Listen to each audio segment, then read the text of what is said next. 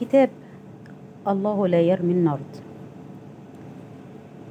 كما قلنا من قبل الكون في حقبة بلانك كان يتمدد ويتوسع بسرعة أكبر من سرعة الضوء وذلك كان في مرحلة يسمونها مرحلة التضخم الكوني.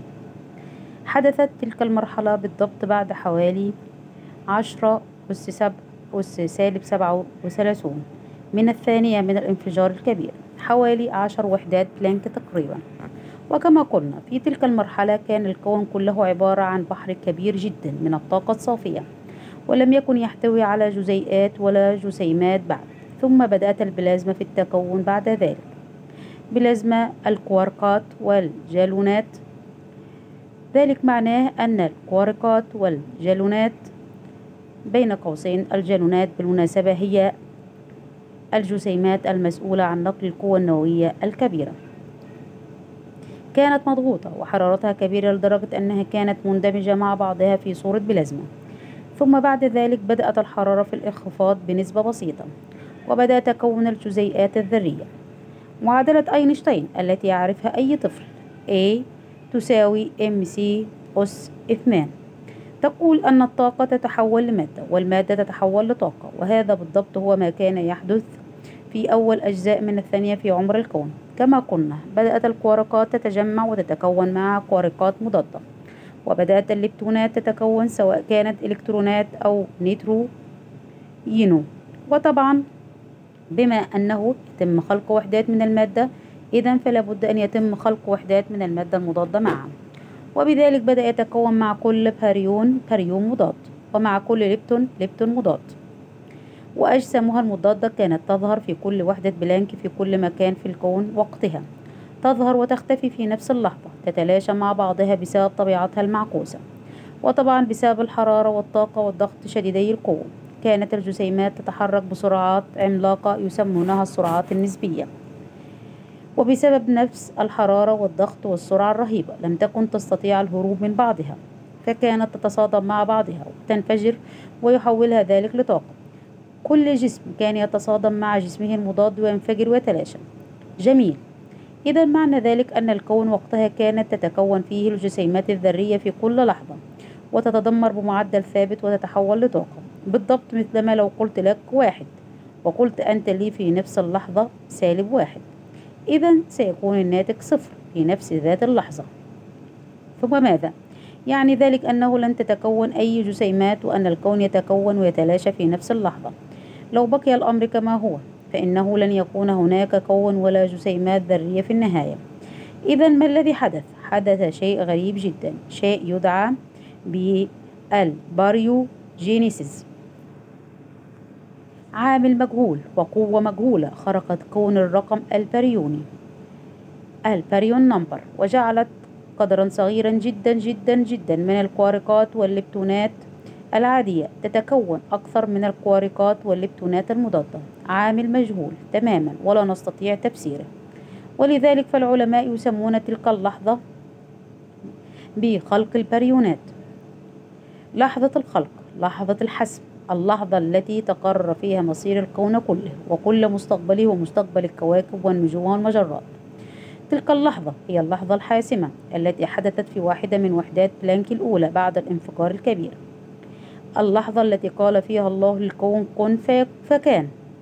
عامل مجهول أو قوة مجهولة لا نعرفها ولا يمكننا استيعابها جعلت الصراع الذي كان يحدث بين المادة والمادة المضادة ينحسم.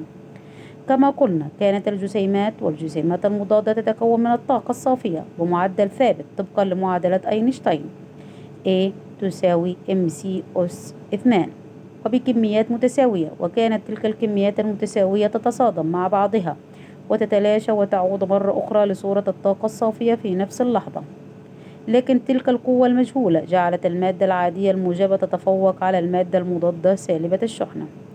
حتى يمكنني إيضاح ما حدث تخيلوا معي أنه لكل مليار جسيم من المادة المضادة يتم خلقه يتكون على الناحية الأخرى مليار وواحد من المادة الطبيعية العادية. هل تستوعبون عظمة الخلق؟ كل جسيم إضافي متبقي من المادة ينجو من التحول لطاقة في كل أنحاء الكون وبمعدلات لا نهائية. ذلك الجسيم الإضافي من المادة الذي يتكون مع فناء كل مليار جسيم من المادة والمادة المضادة.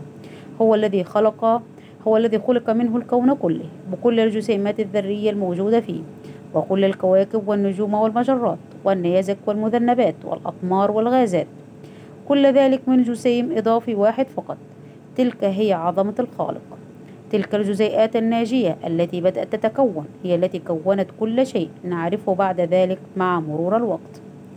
تكون منها كوننا وكل شيء نراه عندما ننظر إلى السماء أو إلى الأرض أو أي ركن تقع عليه أعيننا. تكونت منها حياتنا وأحلامنا وطموحاتنا وأفكارنا. كل شيء كل شيء من لا شيء عدم إلى حياة لا وجود إلى نظام وفوضى. وكل ذلك حدث وقتها في اللحظة الأولى. ما بعد زمن ما بعد زمن بلانك بعد المعركة كان الكون يعج بالجسيمات الذرية الأولية. بعد الإبادة الجماعية التي حدثت لجسيمات المادة المضادة تبقت جسيمات أولية من المادة العادية التي نعرفها. وعندما جاء وقت بناء الكون كانت الحرارة عالية جدا وقتها وكان التوسع في الفضاء والمساحة يحدث بسرعة مذهلة أكبر من سرعة الضوء. المساحة نفسها. سبيس كانت تخلق وتحل محل العدم. الفراغ نفسه كان يتكون وداخله كان يوجد حساء ساخن من الجسيمات الأولية. ذات السرعات غير ممكنة الاستيعاب وهي التي يسمونها السرعات النسبية وحرارتها شديدة السخونة. عندما كان عمر الكون ثانية واحدة كانت الجسيمات الموجودة فيه مختلفة تماما عما نراه اليوم. لم يكن قد خلق بعد أي شيء حولنا يمكننا التعرف عليه. لم تكن هناك حتى ذرات ولكن بعدها بدأ كل ذلك يتغير. الحرارة بدأت تقل حتى وصلت لحوالي مليار أو ألف مليون درجة. كلفينية. وبعدها بدأت سرعة تلك الجسيمات الأولية تقل وتقل. السرعات النسبية العالية جدا للجسيمات بدأت تنخفض ومعها بدأت الجسيمات الأولية التي هي النيوترونات والبروتونات تتجمع مع بعضها. وتكون أنوية الذرات. أول نواة تكونت كانت نواة الهيدروجين. أبسط عنصر ذري معروف في الكون. وبعدها في خلال الثلاث دقائق الأولى من عمر الكون بدأ الاندماج بين النيوترونات والبروتونات الذي حدث بسبب انخفاض السرعة. يكون أنوية عناصر أخرى الهيليوم والليثيوم. تلك هي المرحلة التي يسميها نموذج الانفجار الكبير بمرحلة تكون الأنوية.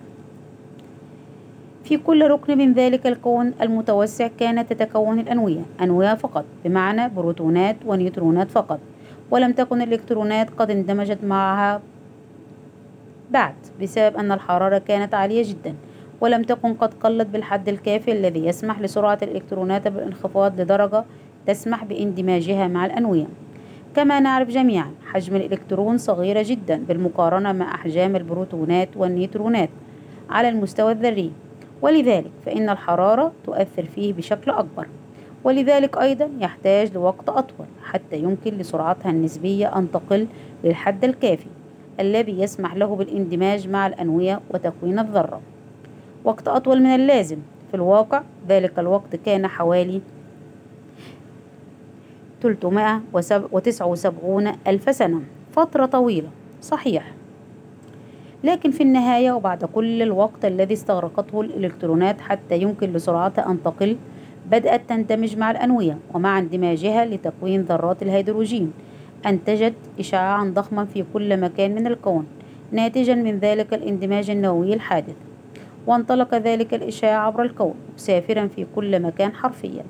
مسافرا حتى التقطه عالمان شابان من نيوجيرسي بعدها ب 13.7 مليار سنة.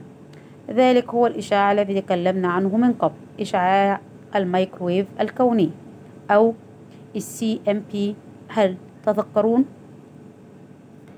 حتى حل يوم عشرون من مايو سنة 1964 وبفضل جهود أرنو بينزياس وروبرت وودرو ويلسون تم اكتشاف الشيء الذي كان بمثابة الضربة القاضية لنظرية الحالة الثابتة خلفية إشعاع الميكرويف الكوني أو ما يختصرونه بال CMB حدث الأمر كله بالصدفة.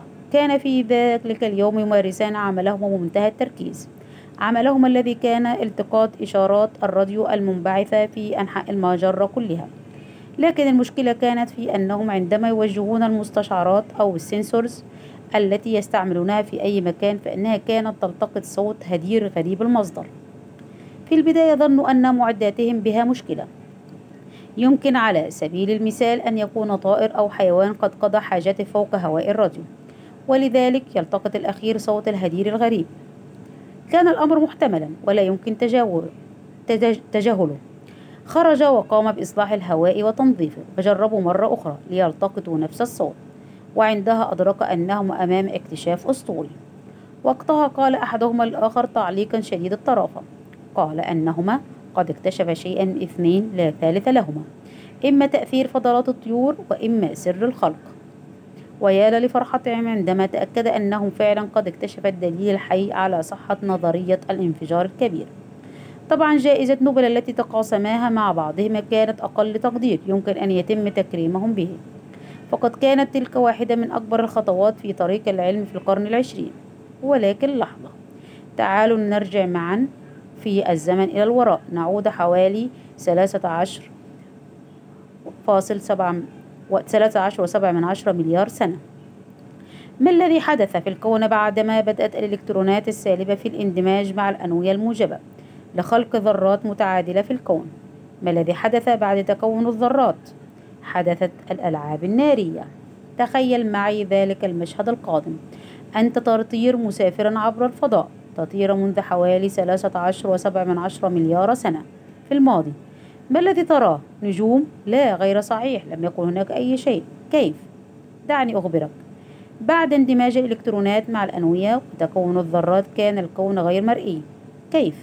لأنه لم تكن هناك ذرات أصلا. كانت هناك أجزاء الذرات فقط وليست الذرات نفسها. إذا ما تراه أنت أمامك الآن هو مجرد سحابة شفافة لونها لبني مثل اسم مجرتنا الطريق اللبني. ألا يذكرك؟ هذا بشيء لابد أن يقرع بعض الأجراس. بالضبط. هذا هو شكل الكون كله قبل ثلاثة عشر وسبع من عشرة مليار سنة. لحظة البداية. مجرد سحابة شفافة لبنية اللون. مليئة بالشرارات الكهربية الناتجة من الاندماجات النووية التي تحدث وبعدها. بعد تكون ذرات الهيدروجين وبعدها الهيليوم وبعدها بشكل أقل الليثيوم بدأت سحب من تلك الغازات في التكون ثم بدأت تلك السحب في التجمع مع بعضها. ومع تجمعها وزيادة كتلتها بدأت تكتسب كثافة. ومع الكثافة بدأ وزنها يزديد وجاذبيتها تزيد فبدأت تجذب لها سحب أخرى من غازات أخرى. وتدور حول مركزها في شكل دوامة كونية مهيبة وهي تجذب المزيد والمزيد من سحب الغازات. هل ترى المشهد؟ هل ترى ما يحدث؟ ركز في المشهد القادم لأنه أروع وأجمل مشهد كوني يمكن أن تراه في حياتك. لحظة مولد أول نجوم في عمر الكون. لحظة مولد الضوء ذاته. فجأة وبدون إن سابق إنذار انفجرت من وسط ذلك الظلام الكوني المهيب. ملايين الأضواء النابعة من ملايين النجوم التي ولدت في نفس اللحظة. أكبر وأروع مشهد ألعاب نارية يمكن أن تراه في حياتك. في كل نقطة في الكون كانت هناك شمس تسطع وتشع نورها وضوئها فجأة. فجأة الكون المظلم أصبح مضيئا بملايين النجوم وأنت تسبح بداخله فترة طويلة للغاية. وفي زمن ما ومكان ما الكون من الكون الواسع بدأت سحب وكتل صغيرة من الغازات والأتربة تتجمع مع بعضها وتجذب لها المزيد من السحب والغازات. حتى ولدت شمس صغيرة دافئة مألوفة لنا جميعا. وبعدها بدأت الكواكب في التكون والانفجار والتصادم والاندماج حتى جاء كوكبنا. ومعه ولدنا, جميعا وتحددت حيواتنا ومصائرنا. كل شيء يجعلنا بشرا. الذرات التي في أجسامنا المجوهرات التي نلبسها الماء الذي نشربه كل الأشياء التي خلقت حياتنا بكل ما فيها من أحداث. كل شيء نتخيله مهما كان. كل ذلك بدأ منذ ثلاثة عشر وسبع من عشرة مليار سنة عند زمن بلانك. انتهى التسجيل.